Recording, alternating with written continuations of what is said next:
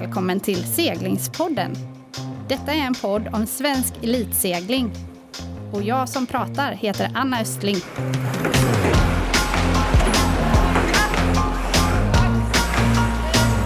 Seglingspodden presenteras i samarbete med Helly Hansen, Båtmässan Göteborg, Pilot Pen och Brant Båt.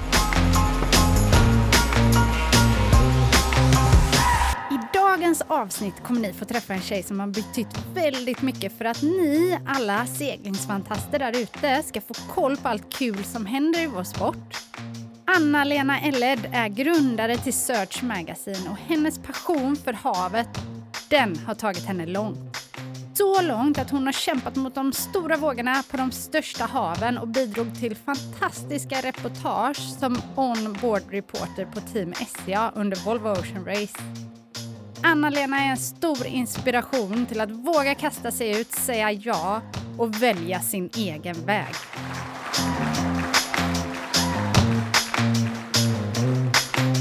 Så varmt välkommen in i Seglingspoddens studio, Anna-Lena Elled. Tack så jättemycket. Kul att ha dig här. Det tycker jag också. Ja, du känner lite typ att det känns som att vi har ombytta roller här nu. Väldigt mycket. Jag är på djupt vatten. Eh, är inte riktigt bekväm med att eh, svara på frågor. Jag ställer gärna frågor och lyssnar, men det här är nytt för mig. Ja, och det är inte en sekund eh, för tidigt. Du har så mycket coola grejer att berätta om, så att det ska bli jättekul att få prata med dig. Men du är ju som du säger mer den journalistiska sidan i vår sport. Berätta lite om hur liksom, det intresset föddes i dig. Ja, jag började ju segla eh, väldigt sent. Jag var 25, det här var i början på 2000-talet. Blev kär i en kille som vindsurfade. Åkte ut till Askimsviken och stod där och kämpade eh, många timmar. Själv på surfbrädan också? Ja, det ja. kan man nog säga att jag ja. var rätt så själv. Och det var gammal utrustning och, och sådär. Men mm. eh, motivationen var på topp. Eh, så att eh, det har jag hållit på med sedan dess faktiskt. Härligt. Och din skrivande ådra, har den alltid funnits med dig? Ja, absolut. Alltså jag, sen tidigt så har det varit min dröm att bli journalist, men av olika anledningar så blev jag ingenjör istället och man har alltid liksom eh, skrivit mycket och tyckt att det har varit eh, roligt. Så på något vis så har bitarna ändå fallit på plats mm, under livets gång. Mm. Och snacka om nice att kunna dela sin då passion med liksom, ja, båda dina passioner i ett och samma ihopkok. Ja, det kan man säga. Alltså det, eh, just med windsurfingen så var det inte bara kärleken som drev mig utan det finns så mycket inom den sporten som lockar mig eh, som äventyr och närheten till naturen och utmaning och, och sådär, att man får utvecklas. Så att eh, ja, det har varit en eh, väldigt bra kombination. Och vi seglare som är ute på de stora tävlingarna, vi känner ju dig väl. Pling pling säger det i mobilen och så ska man svara på frågor från Anna-Lena. Eh, och det är så kul. Jag kommer ihåg när ni började med Search Magazine och det kändes så här revolutionerande typ. En glossy cool tidning som liksom gick och hämtade Alltså man kunde få hämta den inne på GKSS. När startade ni Search och hur startade ni det? Ja, tanken föddes faktiskt eh, på Lanzarote. Vi satt en blåsig eftermiddag, eh, jag och min sambo Danny, eh, på Famara Beach och pratade lite om framtiden. Och, um, han jobbade ju som seglare på den tiden och jag jobbade på Högskolan i Borås och även på Chalmers. Och vi kände att vi eh, ville skapa någonting tillsammans och eh, då mm, kom den här tanken på att vi skulle göra ett eh, vattensportmagasin var det faktiskt då. Så det var både eh, surfsport och segling men också brädsporter som eh, ja, skidåkning och även lite flyg. Innehållet speglade ju våra intressen kan man säga, men fokus låg ju på vattensport. Ja, och den tidningen var ju så här, yes, nu kommer Search. Alltså det är inte så många tidningar ens då på den tiden som lockade kanske den yngre generationens intresse så som ni lyckades. Så att eh, ni har gjort väldigt stor skillnad för svensk segling. Ja, vi, hade ju, vi gjorde ju detta själva eh, och eh, tyckte ju att bilder till exempel skulle få ta en stor plats. Eh, så det tror jag var en av grejerna faktiskt, att vi eh, vi, kände, vi blåste gärna upp eh, coola båtar på stora uppslag och, och sådär. Och det är ju läckert faktiskt. Det, segling är en fantastisk sport. Mm. Eh. Verkligen. Mm. Ni är också duktiga på att få eh, väldigt coola profiler att jobba för er. Genom åren så har jag blivit kontaktad av så många olika. Jag skriver för Search och så är det liksom seglarstjärna efter seglarstjärna. Hur, hur drivs Search idag? Ja, anledningen till det är ju att det är ganska svårt om man inte kan segling och skriva om segling, för det lyser ganska snart igenom i en text. Det beror ju lite på vad man skriver om, men eh, så att mm, ha kunskap inom segling eller att man vet vad man pratar om, det är ju en Avgörande. styrka. Ja. Ja. Så det är väl någonting som vi har jobbat på det sättet under alla år egentligen. Att vi har mer haft seglare som skriver för oss än journalister. Vi har även haft journalister, eller seglande journalister. Och det har väl ibland synts i texten också, att de kanske, det kan funnits något stavfel och man kanske inte har riktigt det där granskande ögat. Men vi har sett att värdet, innehållet har varit, det har varit viktigare att få rätt innehåll än att det, det måste vara helt ja. perfekt. Men jag gillar också känslan och tanken i det när vi pratar om att liksom kunna segla på heltid så är det en fantastisk grej att kunna addera in, liksom kunna tjäna lite pengar på att skriva om det man kan.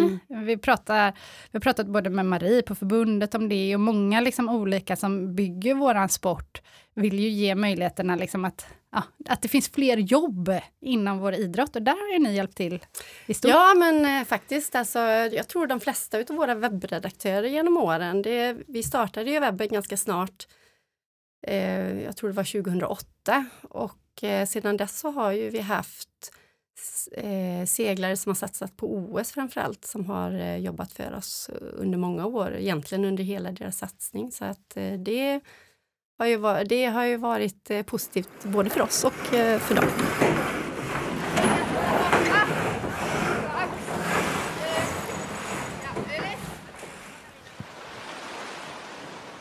Vi lyfter blicken lite ifrån Search och så går vi tillbaka till Anna-Lena, den här seglande, passionerande vindsurfaren som sedan ett gäng år senare faktiskt seglat runt jorden. Anna-Lena, du är ju liksom en utav väldigt få i det här landet som har kört ett Ocean Race. Eh, även där i rollen då som media. Kan du bara, ah, hur var det? Ja, jag kanske får ta lite förutsättningarna. Eh, jag eh, stod på stationen i Stockholm och väntade på ett tåg när Mange Olsson ringde mig och eh, sa Anna-Lena, du måste söka den här rollen som OBR eller ombord reporter i Team SCA. Och när han sa det så kände jag bara att ja, men det är ju självklart. Och jag nu får är, jag rysningar. ja, jag, jag är som klippt och skuren för den här rollen ja. kände jag. Och det är inte ofta jag känner på det viset. Så jag sökte och eh, kom med eh, till slututtagning kan man säga. Men sen så föll jag på målsnöret eh, och blev bänkad av en amerikansk tjej som heter Corina. Vad, liksom, vad, vad gick man igenom för tester för att vara den liksom, reportern ombord jämfört med seglare?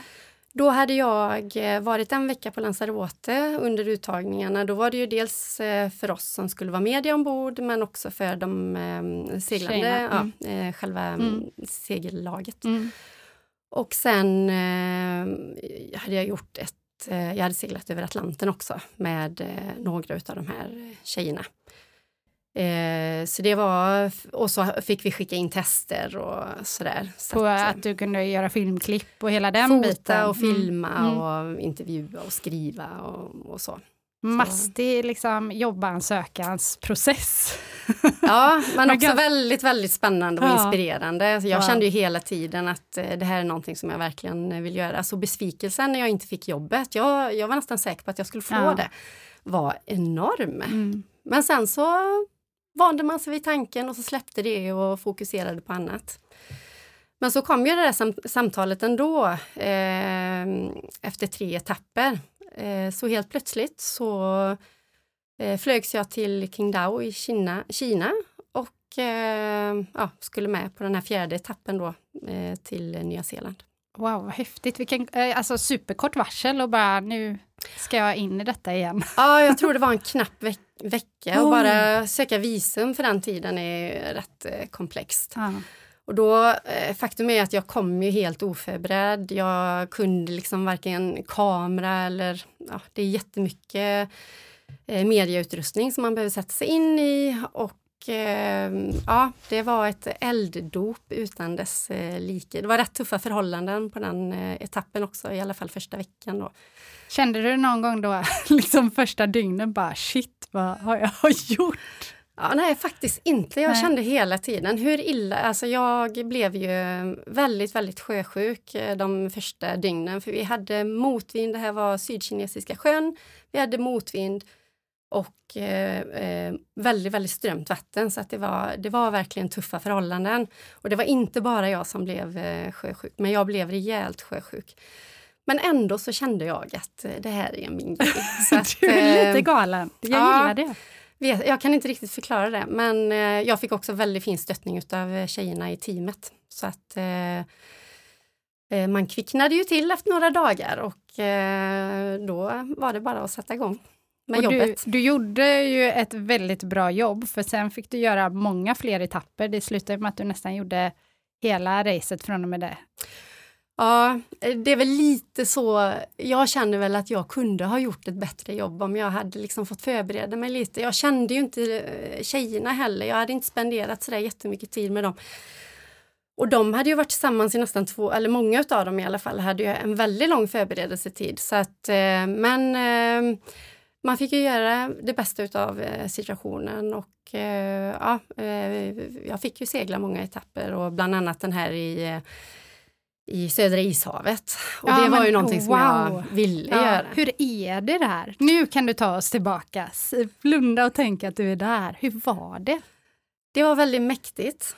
Eh, och det känner man hela tiden när man är där faktiskt. Det är ett otroligt stort hav, otroligt stora vågor och ja, man förstår att man är verkligen långt ifrån civilisationen och eh, ja, att man, eh, man är ganska utsatt där ute. Eh, och den känslan fanns ju med en hela tiden. Min, min spontana så här, tanke och känsla, jag tänker på detta som är van vid att liksom, sova i ett hotellrum eh, och segla på en kort bana. Alltså, var du rädd? Eh, det fanns väl, alltså rädd kände jag ju, men jag aldrig liksom, det fanns ju stunder när man var, eh, vad ska man säga, bek bekymrad. Saken är ju det, händer det någonting? Vi var ju ute för en del situationer som var allvarliga, men då är man ju så fokuserad Mm. på vad som händer, vad man måste liksom Uppgiften. göra just då. Mm. Och som mediereporter så är man ju, just när det händer saker och ting, då har man ju fullt upp. Då ska du fortfarande dokumentera det? Ja, Ja. precis. Eh, Det är en jobbig känsla också för man kan ju inte hjälpa till med det som faktiskt verkligen behöver göras, för det är ju allvarligt. Mm. Liksom. Eh, Men samtidigt så har man ju det här uppdraget och så länge inte det är akut att någons liv står på spel eller någonting så då Förväntas fortsätter man man jobba. filma, Ja, ja. precis. Och det gör man, man är så inställd på, på det. Men eh, det fanns väl, eh, ja, det var väl framförallt, vi gjorde en kinesjeep eh, i princip så långt bort eh, från civilisationen som man kan vara. Och det tog en stund innan eh, liksom, situationen redde ut sig. Det kan ha varit liksom fyra, fem, sex minuter kanske. Mm. Och innan man har kontroll om alla tjejerna är ombord, liksom, halva gänget är inne i båten, de som inte seglade när det här hände och halva gänget är utanför. Och eh, ja, då är det ju... Stress. det är stress, Mm. ja. Då är man verkligen... Eh, vad ska man säga? Adrenalinet Mm, är ju på Jag topp. kan förstå. Ja. Wow. Och när vi kollar lite på, de har ju startat Ocean Race precis just nu när vi spelar in detta och nu kollar vi på rutten och den längsta rutten är ju helt brutal i, det här, i den här upplagan. Men du har ju faktiskt seglat där nere där de ska vara. Vad har de liksom att vänta sig? Är det alltid brutalt? Nej, det är det ju inte. Som alltid i segling, liksom, tillvaron är ju föränderlig. Eh, ena stunden så kan det ju eh, bralla på och eh, komma byar eh, 40 meter per sekund och sen så kan det vara stiltje. Eh, så att eh, förhållandena förändras ju hela tiden. Eh, men det är klart det kommer vara långa En perioder lång som är tuffa. tid, ja. ja, det är det. Mm. Och speciellt en annan sak eh, är ju att det är kallt och det är fuktigt. Eh, och det är ganska tufft att leva med det. Eh, till exempel blir man blöt, hur ska man torka sina kläder? Ja, hur ska och- man torka sina kläder? du som vet. Ja, nej men man får ju... Det blåser ju varmluft varje, varje gång man sätter igång generatorn. Så kommer det varmluft och där kan man torka sina kläder, Mm. men det är svårt. Så man lever i stort sett lite halvblöt hela tiden? Ja, Mm. Och min största skräck när jag skulle ta hand om foton och redigera film och så, det var ju när jag öppnade datorn, att Datorn. det skulle komma vatten där i. För i taket så hängde det droppar utav eh, kondens. Och, så att det är verkligen eh, fuktigt. Om man skulle sova och råkade nudda liksom, skrovets insida, då blir man ju blöt. Mm. Så att det är väldigt eh, fuktigt och det är ju tufft. Mm. Det är ju en annan sida utav det. Men, eh, mm. Mm.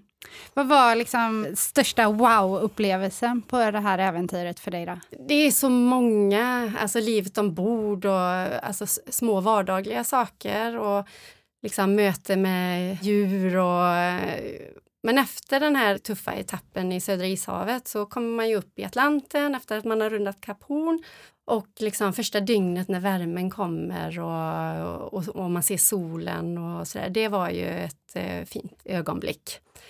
Och sen så de sportsliga framgångarna. Team Asia, de gjorde ju en häftig resa, utvecklades enormt mycket. Men vi vann till exempel eh, mitt första importrace i Wow! Auckland. Ja, Och det var ju lite kul. Det är lite macho stämning på bryggorna där och Mm. eh, som eh, tjejlag att vinna eh, var grymt. Mm.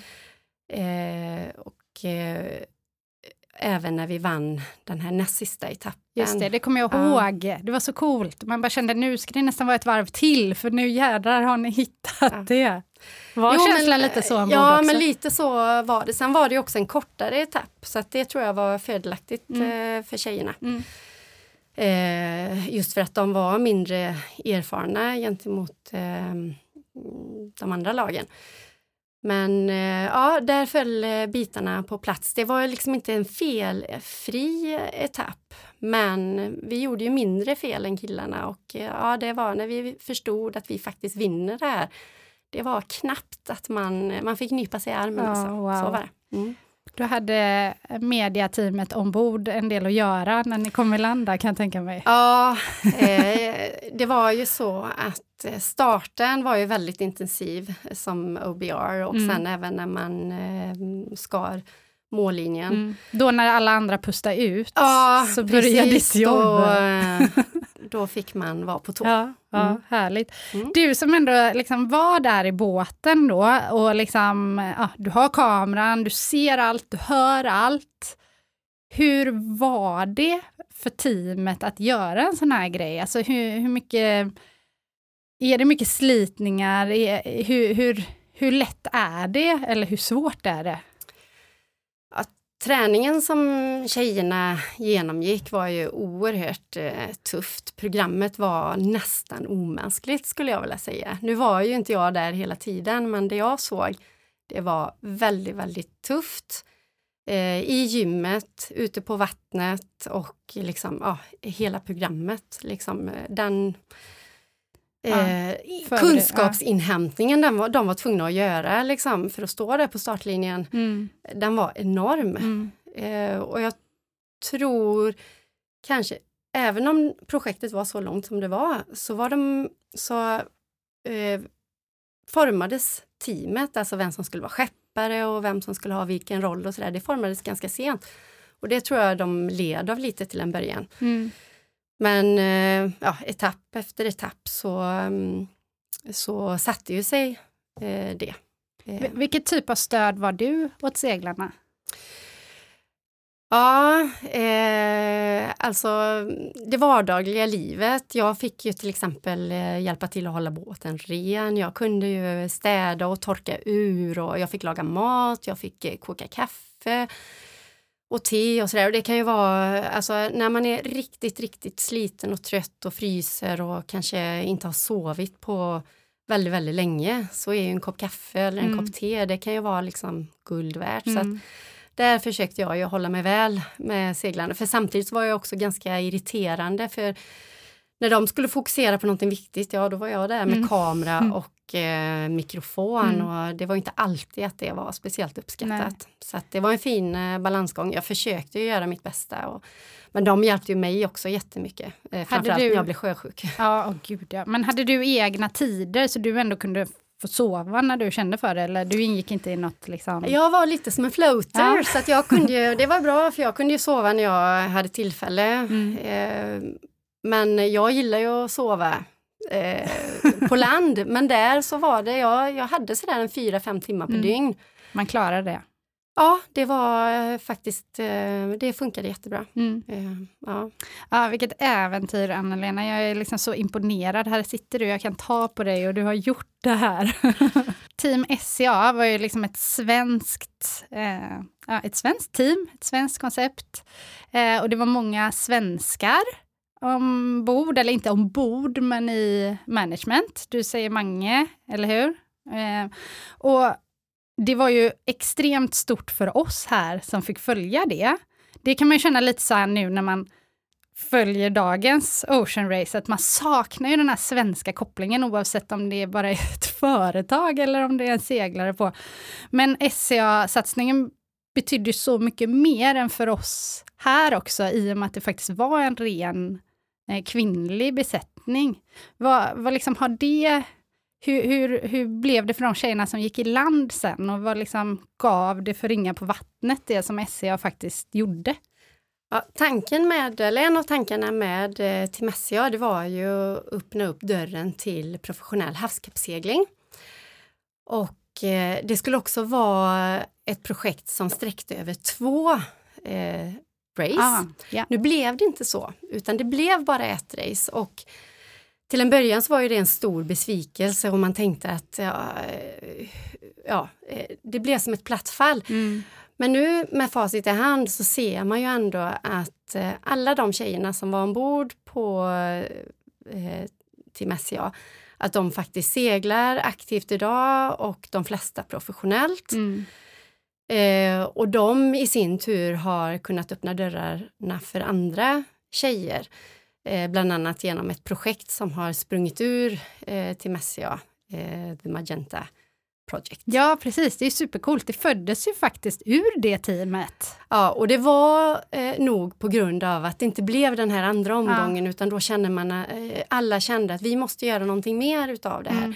Och sen så var det också tack vare den regeländringen som eh, eh, racet gjorde att man faktiskt måste ha tjejer ombord. Och då fanns det ju redan en grupp, det fanns ju tio tjejer som precis Hade nyligen erfarenheten. ja, Mm. hade erfarenheten, kunde båtarna. Mm. Eh, Men jag vet också i detta ändå att det har, alltså jag har hört historier från de här individerna att när de kliver i land så får många av männen nya kontrakt och de liksom åker dit och kör Hobart och det liksom allt bara flyter på medan det blev ett vakuum för tjejerna och de fick inga kontrakt. Eh, och det kanske också är därför Magenta faktiskt föddes för att de då, okej, då får vi ta det i egna händer. Absolut, tjejerna de konkurrerar ju med killarna och det är svårt, även om man har gjort ett race så är det svårt att konkurrera med en kille som kanske har gjort tre eller fyra race. Så att det, det var ju inte så eh, man är ju inte fullärd, man blir ju aldrig det och det finns ju alltid de som är mer erfarna. Men nu till exempel så seglar Abby Ealer The Ocean Race som pågår just nu och jag tror att hon gör sitt fjärde race. Så att hon är ju absolut en av de mer erfarna eh, som seglar nu.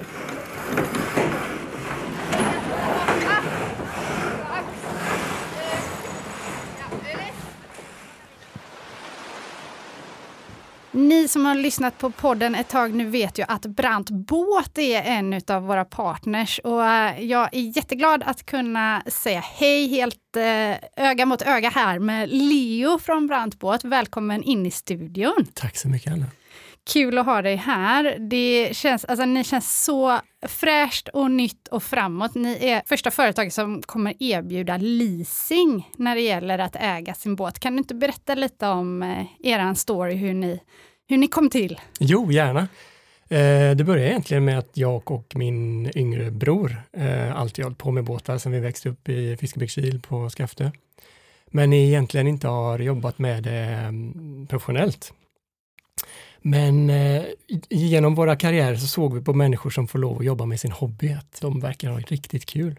Så vi tänkte, vi måste testa. Eh, och vad är det som saknas i båt-Sverige? Eh, bland annat tror jag, tror jag att det behöver bli enklare att ta båt. Det finns inte lika mycket tid och intresse eh, och kanske kunskap att sköta om sin båt som det har funnits eh, förr kanske. Och det andra är att det behöver bli mer flexibelt. Man ändrar sina vanor och sina behov på sjön. Uh, och så börjar vi titta på hur det fungerar i bilindustrin idag, där privat leasing har växt till att vara nästan varannan finansierad Typ det vanligaste. Ja, ja typ det vanligaste.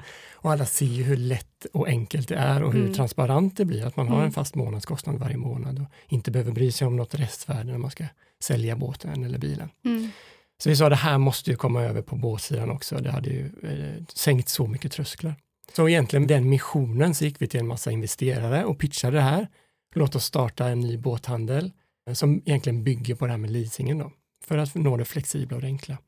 Och till slut så var det Brant som tyckte att ja, det här är ju skitspännande. Eh, och är det någon som, som kan göra det så är det ju säg, Brant då, som har så lång erfarenhet av leasing på bilsidan. Mm. Och Brant var ju en partner till våra team för några år sedan, så jag känner dem väl, eh, bröderna, mm. precis som ni är bröder. Ja, precis, ja. vi är bröder ibland bröder. ja. ja, underbart. Och var på resan är ni nu? Nu har vi rullat det här bolaget i ett år och eh, förra året så fick vi inte tag i någon produktion. Eh, man kommer in i båtbranschen så beställer man båtar i september och så får man dem första gången i i, i februari-mars. Så det är egentligen den här säsongen som blir den spännande avgörande delen där vi verkligen provtrycker det här med hur attraktivt är det här med båtleasing eh, och hur attraktivt är de produkterna och de eh, båtarna vi har fått tag i för att liksom, skapa en bra spread och en bra valmöjlighet för våra kunder. Så att eh, om förra året var eh, PR-marknadsföring och finslipning så är året eh, nu försäljning och eh, försöka skapa custom delight i de här nya tjänsterna.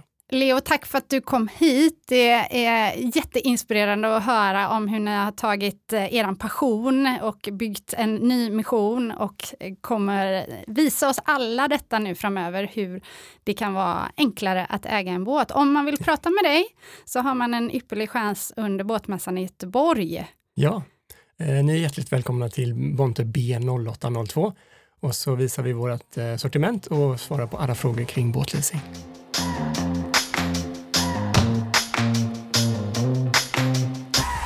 Ett av Searchs senaste inlägg var ju från starten i Alicante. Det var ju massa folk på plats. Det är nästan som man blir lite förvånad över att det är ett Ocean Race som pågår. Men det kanske sitter ihop lite då med att vi svenskar här inte har något team eller seglare på plats. Men när jag tittar på de teamen som jag känner igen som är med så är det väldigt, väldigt mycket Eh, fokus på klimat och miljö.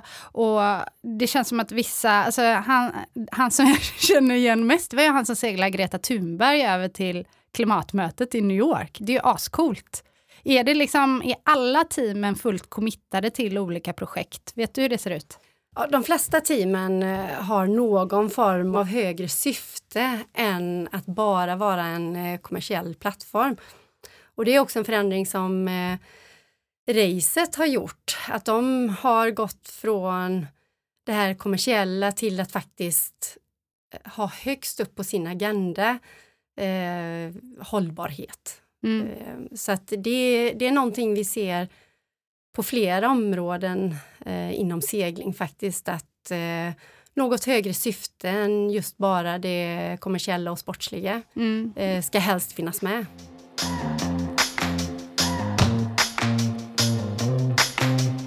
Som vi var inne på förut så är det ju högaktuellt just nu. Ocean Race är igång. Hur ser racet ut den här upplagan? Ja, racet eh, är ju då The Ocean Race och eh, går runt jorden under sex månader och det är inmockarbåtar som seglas och sen så har vi då Sprintkappen som de kallar det, som är en kortare version eh, där eh, VO 65, eh, 65 seglar. Eh, tre etapper. Och då bara liksom, för mig som inte har koll, det är inga nyproducerade båtar utan det är de som har varit med innan. Det stämmer. Ja. Inmockarbåtarna är i regel nya Ja. eller eh, i alla fall eh, refittade. Mm. Eh, Medan VO65 är de båtarna som seglades eh, ja, senaste Mm. vändan då. Mm. Mm. Så de kör sprint. Eh, det såg vi lite från Alicante. Det var någon dag där bara en båt kom i mål. Ja just det, ja, det var importracet. Ah. De hade, det var dåligt med vind Ah. och eh, det stämmer. Det finns en regel som säger att jag tror det är 15 minuter efter att eh, eh, första båten har gått i mål eller vinnaren har gått i det. Då bryter man racet Mm. och då var det bara en båt som gick i mål. Det Så kändes att, som eh, en sån här rolig start. Liksom. Ett poäng och sen alla nollade. Men de har ju många chanser till. Vi får följa, mm, vi får följa racet och eh, jag har definitivt mycket att lära mig. Men vi skulle behöva någon svensk engagerad, någon seglare eh, för att det ska bli ännu coolare för oss här hemma helt klart. Jo men så är det ju. Det är ju mycket lättare att, eh, eller roligare kanske, att följa ett race där man har en person eller någonting som man känner anknytning till. Mm. Eh, och det var ju en styrka med SCA till exempel, men vi ser det ju även i andra sammanhang. Eh, så det saknar vi ju naturligtvis. Och, Mm. Men det finns många bubblande, jag har hört det från flera håll och jag vet att KSSS har någon typ av uttagning nu för ungdomar som vill lära sig eh, ja, havskappsegling så att eh, vi får hoppas på en revival. Absolut, jag är säker på att det kommer. Intresset är stort eh, för havskappsegling med eh, större lag men också för shorthanded. Eh, så att det är jag säker på att eh, det kommer att komma. Det är bara får ta nya tag här. Verkligen. Mm. Och apropå nya tag, hur ser du själv din eh, liksom seglande framtid? Har du några sådana eh, ocean race-drömmar kvar? Ja, men absolut. Eh, jag är ju rätt duktig på att prova på nya saker. Nackdelen med det är ju att man aldrig blir riktigt, riktigt bra på någonting. Äsch, man säg inte det! Men eh, nej, jag eh, på senare tid så har jag försökt att segla lite mer eh, kölbåt fast ehm, eh, ombord, alltså att man är en del utav besättningen. Eh, jag eh, wingfoilar också eh, en del och eh, ja, eh, alltså det är ju segling från morgon till kväll i princip för vår del. Vad det gäller havskappssegling så har jag, eller vi sedan eh, eh, till Messia har fått en liten pojk. Och jag har lite svårt att tänka mig att vara borta liksom Ja. ett halvår Ja. eller kajka runt Mm. eh, två Det är en månader ute på. uppoffring helt klart. Vara Ja. borta så mycket. Ja men Mm. absolut. Jag, jag eh, skulle ha svår, svårt att tänka mig det. Jag är väldigt imponerad över de tjejerna och killarna som, eh, som Mm. gör det. Men eh, just nu i alla fall. Men eh, livet Never är ju say längre. never. Ja precis. att, eh, fråga mig nästa år. Ja, precis. Ja, det är härligt. Driv på med Search. Vi eh, får vår information från Search Magazine och såklart från Seglingspodden. Eh, och vi är så tacksamma för att du tog dig tid. Igen så är jag bara superimponerad att du faktiskt har varit där nere i ishaven och härjat. Jag har ju seglat över Atlanten också. Och uh, den här känslan av att man förstår att det är alltid är väder, den är ganska cool. Mm. Ja men absolut, det är många, många säger ju, eller frågar, åh blir det inte tråkigt?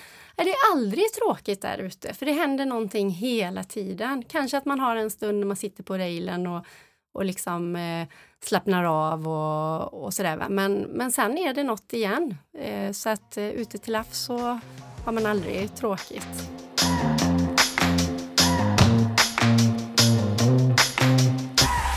Och din roll inom journalistiken och seglingen har ju då varit väldigt, liksom från det ena att vara ute på havet med SCA till att sitta vid datorn och producera search. Vart är du nu gällande search? Vad, vad är liksom planerna framåt med search? Ja, men vi befinner oss just nu eh, i ett skifte, för vi har, eh, vi har varit ett tryckt magasin eh, sedan 2007 och eh, levt i den här åtta veckors cykeln. Vi har haft sex nummer per år och var åttonde vecka så går vi till tryck. Eh, men nu har vi bestämt att eh, vi ska eh, leva vidare på nätet och eh, det är en väldigt eh, spännande resa. Det är också där vi alla är nu, eller hur? Ja, absolut. hade, hade det inte varit för pandemin så hade nog det beslutet kommit lite senare, kanske om ett par, tre mm. år. Mm. Men nu var vi tvungna att eh, gå över digitalt eh, precis när pandemin bröt ut. Eh, och, eh, och det var väl där eh, också tanken på att kanske, det kanske är dags nu att, att göra det, även om vi hade tänkt från början att, att fortsätta lite till. Blir det digitalt magasin? Eh, alltså som blädderbart? Ja, eller vi har det... provat på det, men vi, eh, vi, är, eh, vi kommer eller publicera artiklarna mm. i flödet mm. tillsammans med nyheterna. Mm. Eh, för det här digitala magasinet som vi, det finns, det, det är ytterligare några klick för att komma dit eh, på något vis. Mm. Att, eh, vi, tror, vi tror på att lägga upp saker och ting i mm. flödet istället. Så det är superspännande för det finns eh, enorma möjligheter på nätet och eh, vi når ju ut till eh, ännu fler. Eh, så att det var, det var läge att göra detta skiftet nu. Så det är en spännande tid eh, för oss på redaktionen. Det låter bra. Och eh, alla som lyssnar nu då, följ gärna Ocean Race och alla andra nyheter inom vår fantastiska idrott eh, på searchmagasin.se. Underbart, Anna-Lena. Tusen tack! Du kommer få lära mig eh, segla mått här nu under våren. Det vet du inte om än, men jag måste lära mig eh, segla fort och flyga. Så att, eh, har du lust att ta dig an den eh, uppgiften så är jag djupt tacksam. Ja, du är välkommen eh, ut till oss. Eh, Danny han kan lära dig mått och eh, du kan få prova min eh, wingfoil. Ja, det var wingfoilen. Ja. ja. där är jag ju ännu mer lost. Så ja, att, men, eh, det, vi styr det... upp något läger helt enkelt. Det tycker jag. Ja. Tack Anna-Lena för att du kom hit till Seglingspodden och eh, lycka till med Search, lycka till med alla dina drömmar. Du är en fantastisk inspiration och bara det att våga flyga till Qingdao på nolltid, det säger väldigt mycket om dig som person. Tack så mycket, det var kul att vara här.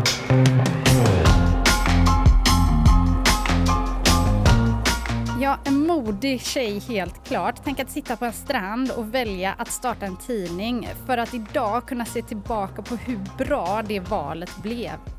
Gör man samma saker så får man samma resultat och Anna-Lena är ett väldigt bra exempel på vad livet kan bjuda på om man vågar tänka utanför boxen och riktigt, på riktigt välja sin egen väg. Hoppas detta kan bidra till att du som lyssnar stannar upp kort och funderar på din riktning och om det finns någon ny väg som du skulle vilja våga prova och gå på. Nu har ju vi gjort rätt så många avsnitt i Seglingspodden och jag hoppas att ni gillar det vi gör.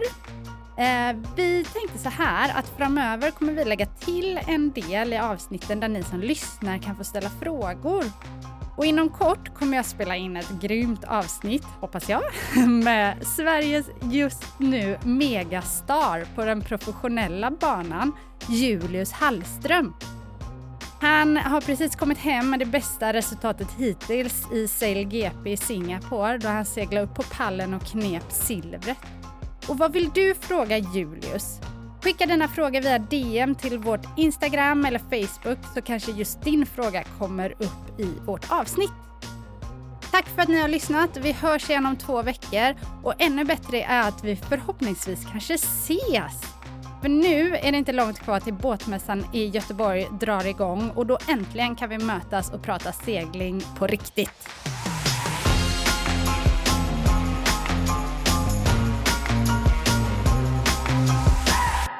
En poddproduktion av Fredag.